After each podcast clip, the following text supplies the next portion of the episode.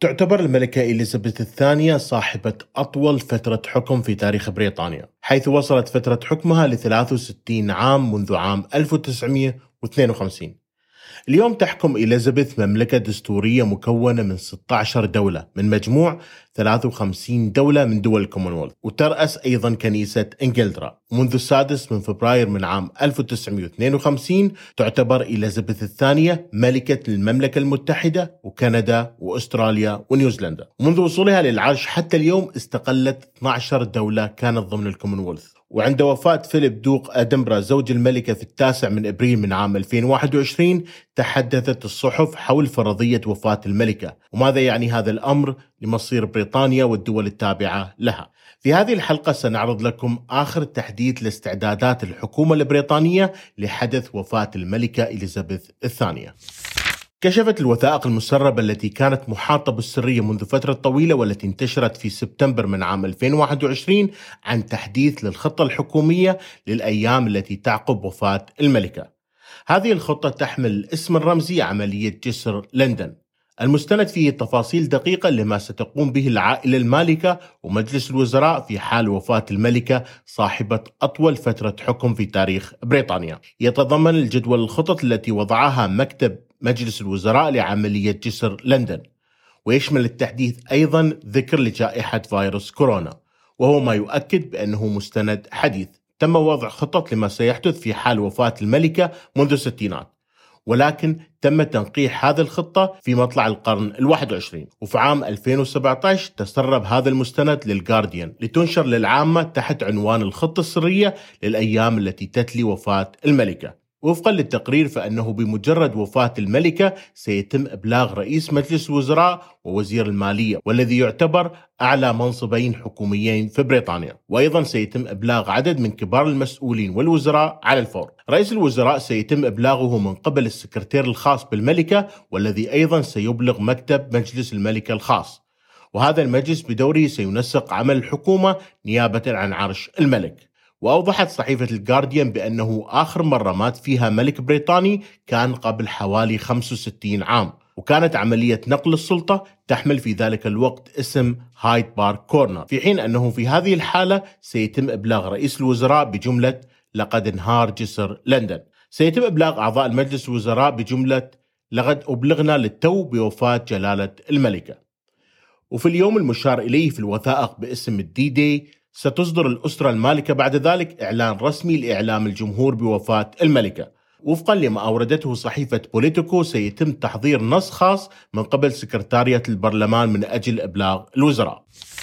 سيقوم مجلس الاستجابة العالمي التابع لوزارة الخارجية بتنبيه 15 حكومة خارج المملكة المتحدة حيث أن الملكة هي أيضا رئيسة للدولة و36 دولة من دول الكومنولث حيث أن الملكة هي الرمز الأعلى لهذه الدول. تماشيا مع التقاليد بمجرد الإعلان رسمي عن خبر وفاة الملكة سيعلق قماش أسود على أبواب قصر بكنغهام وسيكون فترة الحداد الرسمي عشرة أيام. الموقع الإلكتروني الرسمي للقصر سيتحول للون الأسود مع رسالة مختصرة توضح فيها الحدث. كانت البي بي سي تحمل امتياز حصري على إعلان وفاة أي فرد من أفراد العائلة المالكة. لكن هذا الاحتكار انتهى لتكون وكالة Press Association هي التي تحمل هذا الامتياز. لتخبر بدورها بقية وسائل الإعلام العالمية في نفس الوقت. تملك كل مؤسسة إخبارية رئيسية تقريبا أفلام ومقالات ومقاطع فيديو إخباري مسجلة مسبقا جاهزة للانطلاق. ويعتقد بأن The Times لديها محتوى خاص ب 11 يوم لتغطية الحدث. في حين أن Sky News و ITN قد وقعتا بالفعل عقود مع خبراء من العائلة المالكة لتغطية الحدث. سيتم تنبيه المحطات الإذاعية التجارية من خلال شبكة الأضواء الزرقاء. والتي من المفترض أن تضيء في حال الطوارئ الوطنية. أما القنوات والإذاعات الغنائية فستتحول لقنوات إخبارية مع تذكيرهم بإمكانية تشغيل أغاني على أن لا تكون مؤذية أو مخلة. وذكر التقرير بأن العائلة المالكة ستعلن عن خطط لجنازة الملكة والتي من المتوقع أن تكون بعد عشرة أيام من وفاتها. وفي يوم وفاتها ستقام صلاة تذكارية في كاتدرائية القديس بولس ليحضرها رئيس الوزراء وعدد قليل من كبار الوزراء. وفقا للوثائق المسربة سيتم التخطيط للخدمة لتبدو عفوية. وأضاف الموقع بأنه إذا ماتت الملكة في بالمورال في أسكتلندا فإن عملية Unicorn ستنطلق. وفيها سينقل جثمان الملكة إلى لندن بالقطار الملكي إن أمكن. أما إذا كان هذا الأمر مستحيل سيتم تشغيل عملية Overstudy مما يعني بأنه سيتم نقل التابوت بالطائرة.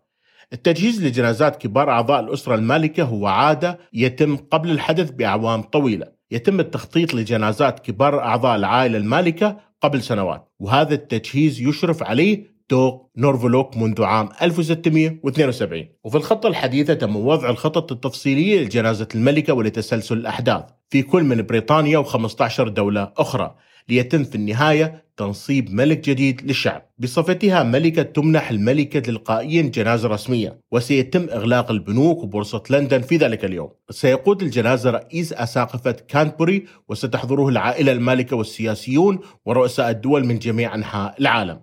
ضمن المستند هناك خطة تحمل اسم عملية الريشة.